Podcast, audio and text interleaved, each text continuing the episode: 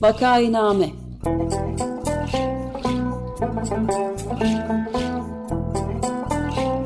Salgın günlerinde memleket manzaraları. Hazırlayan ve sunanlar Güven Güzeldere, Ömer Matra ve Özlem Tekin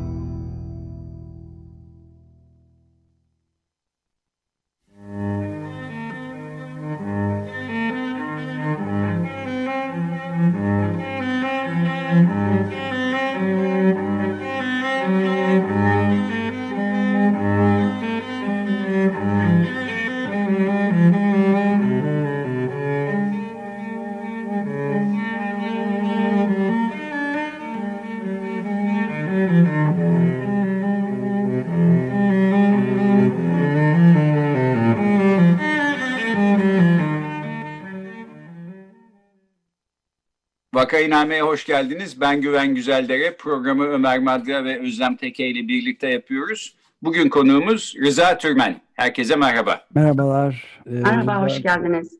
Hoş bulduk.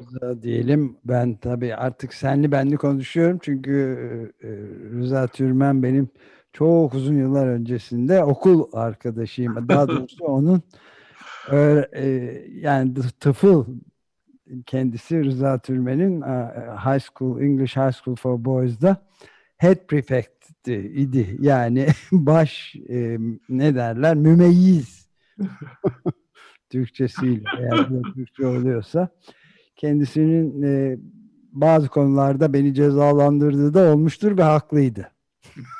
Mutlaka haklıydı. Onu da söyleyeyim. Uygunsuz işler e, okulda yapılmaması gereken işler yaptığım için ama sonradan Rıza Türmen'i... Cezalandırmadan ders aldınız mı almadınız mı? Asıl Al, soru Aldım tabii ki. Böyle oldu işte sonra böyle oldu. Peki. Evet yani Rıza Türmen'i bilmeyen pek yoktur herhalde ama ben e, birkaç kelimeyle tanıtmaya çalışayım. Özellikle de e, Güçsüzlerin Gücü diye önemli bir e, kitabı da Doğan Kitap tarafından 2015 yılında yanılmıyorsam yayınlanmıştı. İnsan hakları ve hukuku konusunda çok sayıda makale ve kitapları var. Yani kitap bölümleri var. Kendisinin e, İstanbul Üniversitesi Hukuk Fakültesi mezunu. Kanada'da Montreal McGill Üniversitesi'nden hukuk master'ı, Ankara Üniversitesi'nden de Siyasal Bilgiler Fakültesi'nden siyasal bilimler doktorası var. Sonra Dışişleri Bakanlığı'nda önemli diplomatlık görevleri var. Ee, Singapur'da ve İsviçre Büyükelçisi ve 1996 ile 98 yılları arasında da Avrupa Konseyi'nin daimi temsilcisi olarak görev yaptıktan sonra da belki de en e, önde gelen görev olarak da 1998 ile 2008 yılları arasında da Avrupa İnsan Hakları Mahkemesi yargıçlığında görevde bulundu. Sonradan da köşe yazıları yazmaya devam etti. Ayrı Türkiye'ye döndükten sonra hem Milliyet Gazetesi'nde köşe yazıları hem T24'te ve 2011 seçimlerinde de Cumhuriyet Halk Partisi'nden İzmir Milletvekili seçildi. 2009'da da Türkiye Barolar Birliği'nin yılın hukukçusu ödülünü, Türkiye Gazeteciler Cemiyeti'nin basın özgürlüğü ödülünü, Orta Doğu Teknik Üniversitesi'nin üstün hizmet ödülünü de bir de 2010'da Çağdaş Yaşamı Destekleme Derneği'nin Cumhuriyet Ödülünü kazandığını, aldığını söyleyelim. Çok sayıda eseri var bu konuda.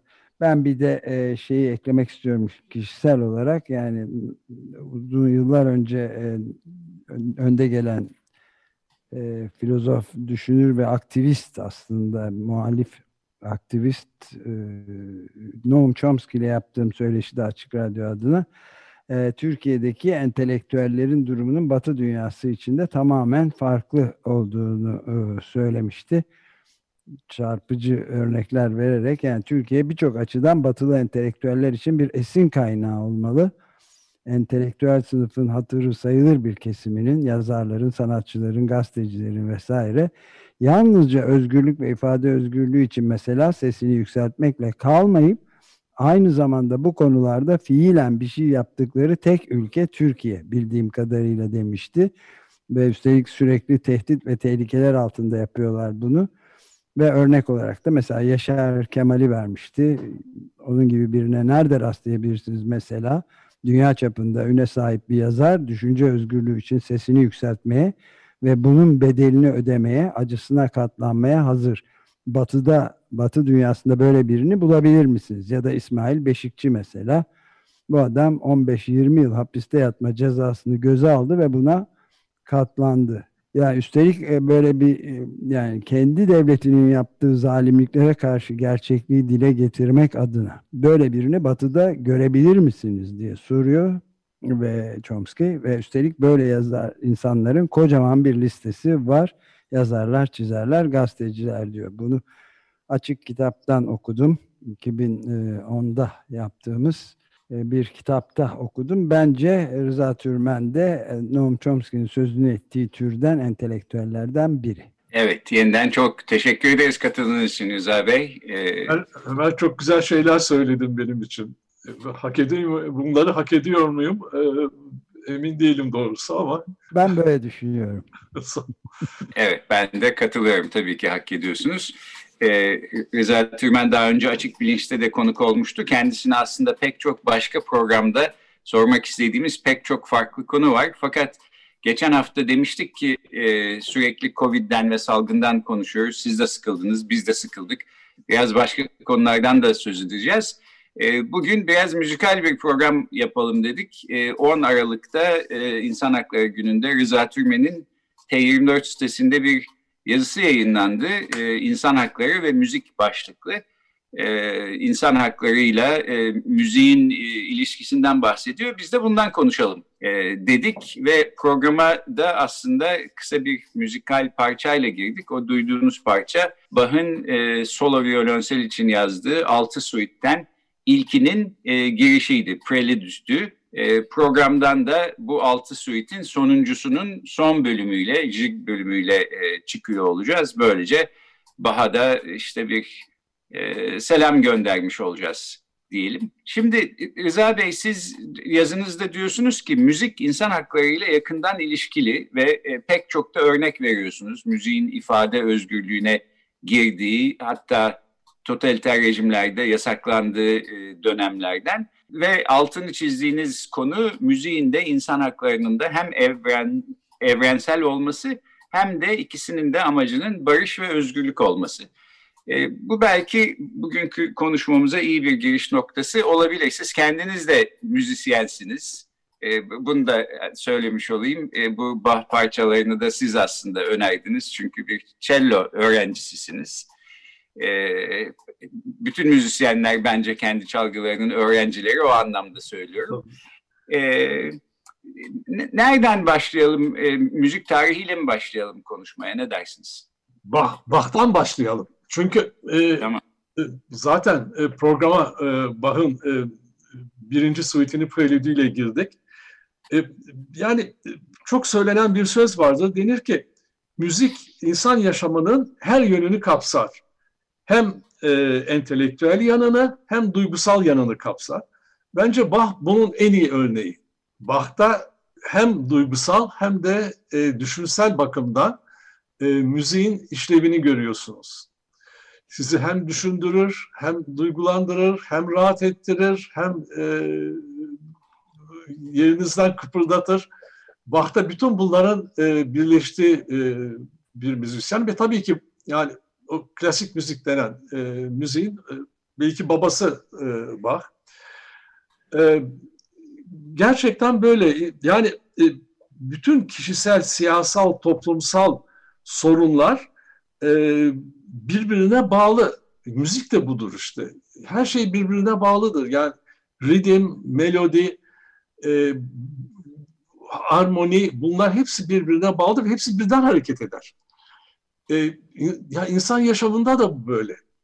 Yani bütün kişisel, siyasal, toplumsal sorunlar birbirine bağlı. Ben e, çok mutsuz oluyorum. Örneğin yani bir örnek vermek gerekirse böyle bir otoriter yönetim altında yaşadığım için mesela. Yani kişisel mutluluğum e,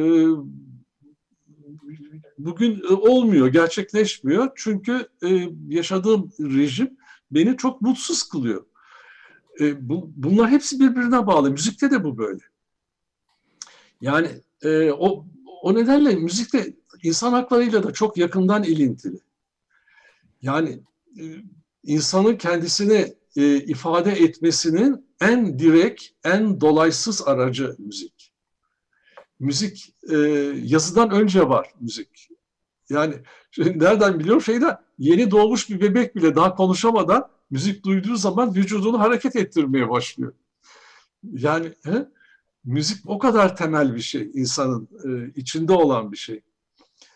E, Bu özelliğiyle de e, bir tek bebekleri değil aslında yetişkin insanların oluşturduğu büyük kitleleri de harekete geçirme Tabii. gücü var. Sizin de söylediğiniz gibi. Bu yüzden de zaten e, müziği zaman zaman baskılama ihtiyacı hissediyor e, otoriter yönetimler e, korktukları için diye anlıyorum. Tabii müzik kullanmaya çalışıyorlar. Müzik e, kullanılmaya elverişli çünkü insanları ve kitleleri harekete geçiriyor. E, yani bunun en kaba örneği e, bu orduların karşı karşıya gelip savaştığı e, dönemlerde hücuma geçmeden önce müzik çalınıyor. Yani birbirlerini öldürmeden önce insanlar böyle müzik çalınıyor ki daha rahat öldürsünler, daha iyi öldürsünler diye. Ya harekete geçiriyor. Ya orada bile müzik kullanılıyor. Fakat tabii e, müzik e, bireysel bakımdan yani dediğim gibi insanın kendini ifade etmesini en e, en direkt, en e, dolaysız yolu. Çünkü bir de yani e, çaldığınız kitleyle karşı karşıyasınız. Aranızda bir aracı yok. Yani dinleyiciyle karşı karşıyasınız. Çaldığınız müzik doğrudan dinleyiciye ulaşıyor. E, ve dinleyicide böyle bir şey yaratıyor. Bir işte sizin mesajınız e, gidiyor dinleyiciye. Sizin çalışınız gidiyor. Yani dinleyici orada e, sizinle birlikte oluyor. Müziğin bir parçası tabii dinleyici. E, onun için yani müziğin özgürleşmesi ifade özgürlüğünün kaçınılmaz bir şeyi. Özgür müzik yoksa insanlar kendilerini özgürce ifade edemiyorlarsa o zaman müzik de tabii özgür olmuyor. Aynı şekilde dinleyen bakımından, müziği alan bakımından da bu böyle.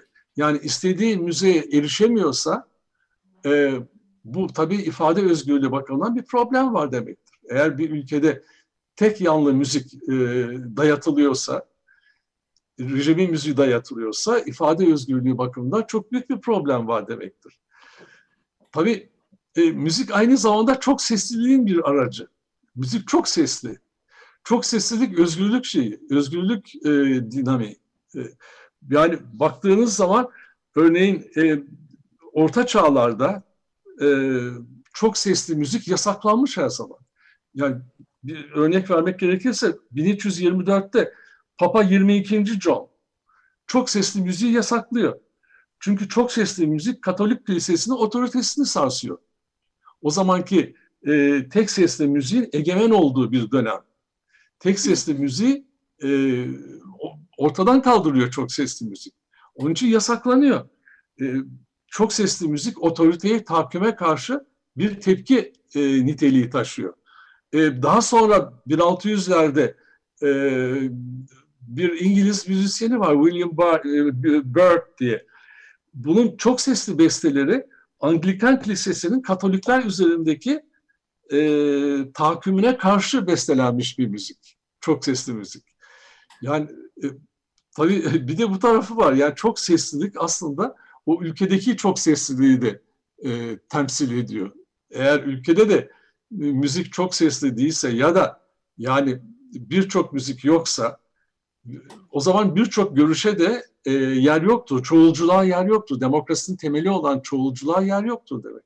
Yani otoriter rejimlerde Nazi Almanya'sında, Sovyet e, Rusya'sında, Stalin Rusya'sında e, hep böyle bir rejimin müziği var. Bir tek yanlı müzik var. E, çok sesli izin yok. E, caz müziği yasak her tarafta. Yani e, İspanya'nın, Franco'nun İspanya'sında da yasak, Çin'de de yasak. E, Mao'nun e, efendim e, Sovyetler Birliği'nde de yozlaşmış yaşam tarzını çünkü e, caz müziği temsil ediyor. e, bir yaşam tarzının şey, e, temsilcisi. E, Nazi Almanya'sında da tabii doğru müzik değil, yanlış müzik. Yani yani baktığınız zaman müziğin e, özgür olması aslında o ülkedeki özgürlüğün de hangi noktada olduğunun bir göstergesi oluyor diye düşünüyorum. Evet ve müzik e, müziği bir ifade biçimi olarak e, kabul edersek ifade özgürlüğüne müziğin de girmesi gerektiğini e, hukuki olarak da aslında e, kurumsal olarak da e, tanıyorlar. Sizin de yazınızda bahsettiğiniz gibi Birleşmiş Milletler'in Medeni ve Siyasi Haklar Sözleşmesi'nde ifade özgürlüğünün sanat e, formatını da kapsaması gerektiği söyleniyor. Hatta daha sonra bir e, Avrupa İnsan Hakları Mahkemesi kararına da siz... E, Müller kararı, çok meşhur bir karardır Müller kararı. Da bulunuyorsunuz. Evet, biraz onu anlatır mısınız? E, Müller kararı e, aslında e, yani e, devlete... Müller e, bir ressam, e, bir sergi açıyor. E, heykel yapıyor, resim yapıyor. Ve e, çok müstehcen e, şeyler var sergide, resimler var. Ama çok müstehcen resimler var. Onun üzerine İsviçre hükümeti e, yasaklıyor. Avrupa e, İnsan Hakları Mahkemesi bu yasağı ifade özgürlüğü ihlali olarak görmedi. E, devletin böyle bir e, sanat eserleri bakımında bir takdir yetkisi olduğunu kabul etti.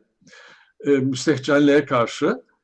E, ama yani aynı zamanda sanat eserlerinin korunması gerektiğini de o kararda söyledi. O kararda sanat eserleriyle ilgili e, önemli e, şeyler, paragraflar vardır. İşte bir tanesini zaten yazmıştım. E, yani e, sanatçıların ifade özgürlüğüne tecavüz etmemelidir dedi devletin yükümlülüğü. Gerçekten devlet sanatçıların özgürlüğüne, ifade özgürlüğüne karışmamalıdır. Yani heykeli beğenmiyor diye devletin başındaki o heykeli kaldırıp başka yere götürmemeli ya da kırmamalı örneğin. Yani e, devletin beğenisi, devletin sanat e, anlayışı, sanatçının sanat anlayışının yerine, sanatçının özgürlüğü yerine geçmemeli, onunla ikame etmemeli. Bu tabii e, demokrasinin çok temel bir şeyi. Evet tabii Türkiye'de de muhalif duruşu olan müzisyenlerin e, çok baskı altında olduğunu, bu baskının giderek ağırlaştığını biliyoruz. E, grup yorumun iki üyesi bir açlık grevi sonucunda hayatlarını kaybettiler. Çok acı bir olaydı ve hepimizin gözlerinin önünde e, gün gün e, gerçekleşti. Parmağını kıpırdatmadı kimse. Devlet sanki istiyordu böyle bir sonucu. Yani Helim Bölek'le İbrahim Gökçe'nin ölümleri çok trajik bir şeydir. Yani bu insanların istediği neydi? Bu insanların istediği müzik çalmaktı. Hani müzik çalamadıkları için öldü iki açlık grevinde. Yani nasıl müzik çalıyorlardı? Eleştirel bir müzik çalıyordu. Protesto müziği çalıyorlardı. E ne olur protesto müziği çalarlarsa? Yani Vietnam Savaşı sırasında bütün Amerika baştan aşağı protesto müziğiyle doluydu. Evet. Kimse açlık grevinden ölmedi. Yani Evet. Yani şeyde mesela bu müzik e, grup yorumdan bahsederken İdil Kültür Merkezi'nin basıldığı senin de yazında belirttiğin e, gibi Rıza. Yani bu ağır baskıları protesto etmek için açlık grevine gittiler diyor ama yani e, müzik İdil Kültür Merkezi denen yer basıldığı zaman müzik aletlerini de parçalıyorlar. Yalnız kişiler. Evet. Yani bir daha müzik çalmamaları. Bir barbarlık evet bir daha müzik çalmasınlar diye yani. Yani kolunu kırmak gibi bir şey bu. Müzisyenin kolunu kırmak gibi, elini kırmak gibi bir şey. Bir daha müzik çalmasın diye. Korkunç bir şey. Ama bu hep yapıldı. Yani Türkiye'de müzisyenler üzerinde işte 12 Eylül döneminde de bu böyle oldu. Ee, belirli bir tür müzik yapan müzisyenler ya tutuklandı ya kaçtılar ya işkence gördüler. Yani baskı arttıkça, otoriterlik arttıkça müzik üzerindeki baskı da artıyor buna paralel olarak. Tabii. Evet, muhalif olan ifadenin hiçbir biçimine izin yok. Evet. Hatta mü müzik belki insanları harekete geçirmek yönünden metinlerden daha Birlikte, harekete getirici tabii, bir... Tabii. Çünkü e, grup yorum e, Ankara'da e, meydanlarda e, konser veriyordu. Ve e, millet koşa koşa geliyordu. Binlerce kişi geliyordu, dinliyordu. Yani konserleri son derece kalabalık oluyordu. E, böyle bir talep vardı grup yorumun müziğine. E, grup Kızılırmak için de bu böyle. Yani zaten grup yorumdan ayrılanlar kuruldu grup Kızılırmak. Yani böyle bir talep tabii iktidarları korkutuyor. Evet böyle bu iktidarın niteliğinin kendisine ne dediğinden tamamen bağımsız ne dediğinden. Evet. Yani bu Nazi de olabiliyor, e, Frank e, falangist de olabiliyor Franco İspanyası'nda olduğu gibi ya da işte Stalin Sovyetler Sovyet Rusyası'nda ya da e, en ilginci bence Çin'de büyük kültür devrimi adı verilen olay sırasında adı kültür olan bir harekette klasik müzik, caz ve pop müziğin tüm yani müziğin tüm türlerinin neredeyse yasaklandı görülüyor. Kültür. O kadar ben bir şeyimi anlatayım müsaade anımı anlatayım izin verirseniz. 1990 e, pardon 2000 e, kaçtı 1986 yılları filan. Ben o zaman Singapur'da büyükelçiydim ve sık sık Beijing'e giderdik, Çin'e giderdik ve orada bir konser dinledim ben. O kadar patetik bir konserdi ki bu. Ee, saklanmış müzik aletleri yer altından çıkarılıyor. Belli ki eski dökülüyor falan üstüne giydikleri kıyafetler müzisyenlerin böyle e, onlar da saklanmış belli ki yıllarca bir yerlerde. Yeni yeni çıkarılmış ilk defa çalıyorlar belki o aletler ve o, o kıyafetlerle. Ama müzik hiçbir zaman unutulmamış. Yani rejim değişir değişmez yer altından müzik aletleri ve kıyafetler çıkmış ve onlarla konser verdiler. Çok e, enteresan bir anıydı benim için. Evet yani büyük proleter kültür devrimi dedikleri şeyde bilum müzik belli başlı bütün müzik türlerini yasaklıyorlar. Çok Tabii, büyük müzik bir aletlerini bir şey. saklamak zorundalar. Evet, müzik evet, aleti yakalanırsa çünkü. Evet. yani. Bu aralar biliyorsunuz Türkiye'de bir e, akademiyle ilgili bir tartışma sürüyor. Öğretim üyesi olduğu iddiasında olan birisi işte şikayet etmiş üniversiteler neye benzedi filan diye. Sınıflarına da hiç öğrenci gelmiyormuş. Bunu öğrencilerin suçu olarak buluyor ama yani işte grup yorumun falan konserlerine baksa aslında e, insanları harekete geçirmenin, cezbetmenin e, bir yolunun e, yolunu kendisinin bulamadığını rahatlıkla e, görebilir başkalarına e, suçu atmak yerine e, gibi gözüküyor bana. Aynen. E, şöyle isterseniz bitirelim. Rıza Bey siz yazınızın sonunda diyorsunuz ki müziğin, barışın, özgürlüğün sesinin iktidarın gürültüsünden daha güçlü olacağı bir Türkiye umuduyla e, hepimizin insan hakları gününü kutluyorsunuz. Biz de buna katılıyoruz. E, Programı bitirirken son birkaç dakika yine sözü size bıraksak ne nasıl e, bağlamak isterseniz buyurun. Ama ben bir e, araya gireyim mi? Ha, pardon tabii. Bağlam şey yapayım. Ee, yani bu soruyu daha da bağlama bağlamak açısından. Ee, iki şey var. Bir tanesi bu kaydı yaptığımız sırada e, Beethoven'ın 250. yaş günü oluyor bir kere. O öyle bir durum var. İkincisi de e, çarşamba günü de Osman Kavala'nın bir mektubu ve seçtiği şarkılar çalındı Açık Radyo'da. Çok e, aslında e, yani bayağı yankı da getirdi. Ve şey diyor, Açık Radyo'da sevdiğim şarkıların çalınacağı bir program yapma düşünceniz beni çok heyecanlandırdı ama sonra da telaşlandırdı çünkü insanın en sevdiği şarkıları seçmesi hiç de kolay değilmiş. Sonunda Türk müziğini ve klasik Batı müziğini ayrı tutmak suretiyle karara varabildim diyor. Ee, ve yani e, çaldığı parçalar arasında, çalınmasını istediği parçalar arasında bir tanesi de şey, burada avluda yürürken en sık aklıma gelen ve ıslıkla seslendirmeye çalıştığım George Mustaki şarkısı. A Mediterane yani Akdeniz'de şarkısı. Gökyüzü bazen buradan da deniz gibi görünüyor diye de eklemiş. Bunu da söylemek istedim. Ben, e, ben bunu e, Osman Kavala'nın ve Selahattin Demirtaş'ın ikisinin de serbest bırakılması e, umuduyla programı bitirmek istiyorum. E, ayın 22'sinde Avrupa İnsan Hakları Mahkemesi Selahattin Demirtaş'la ilgili büyük daire kararını açıklayacak. Osman Kavala Anayasa Mahkemesi'ndeki davası Büyük Daire Anayasa Mahkemesi Genel Kurulu'na sevk edildi. Oradan olumlu bir karar çıkmasını umut ediyorum.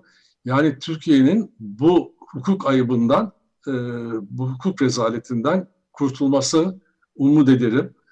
Özgürlükler adına ve ikisinin de istedikleri özgür müziği dinleyebileceklerine umut, yakında inanıyorum, umut ediyorum hiç olmazsa. Peki çok teşekkür ederiz. Ee, bugün Vakayiname'de e, Rıza Türmen konuğumuzdu. Müzik ve insan hakları üzerine konuştuk. Ee, size girişte olduğu gibi yine çıkışta da Bach'tan e, bir seda getirerek veda ediyoruz. Haftaya görüşmek üzere, hoşçakalın. Çok teşekkürler, hoşçakalın. Hoşçakalın. Música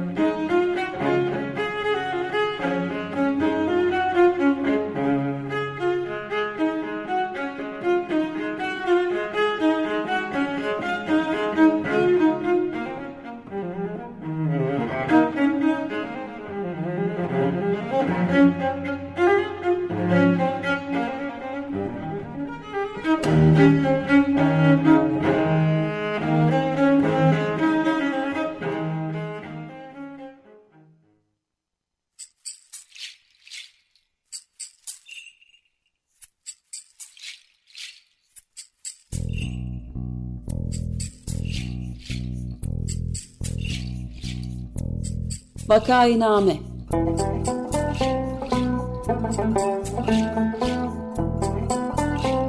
Salgın günlerinde memleket manzaraları. Hazırlayan ve sunanlar Güven Güzeldere, Ömer Madra ve Özlem Tekin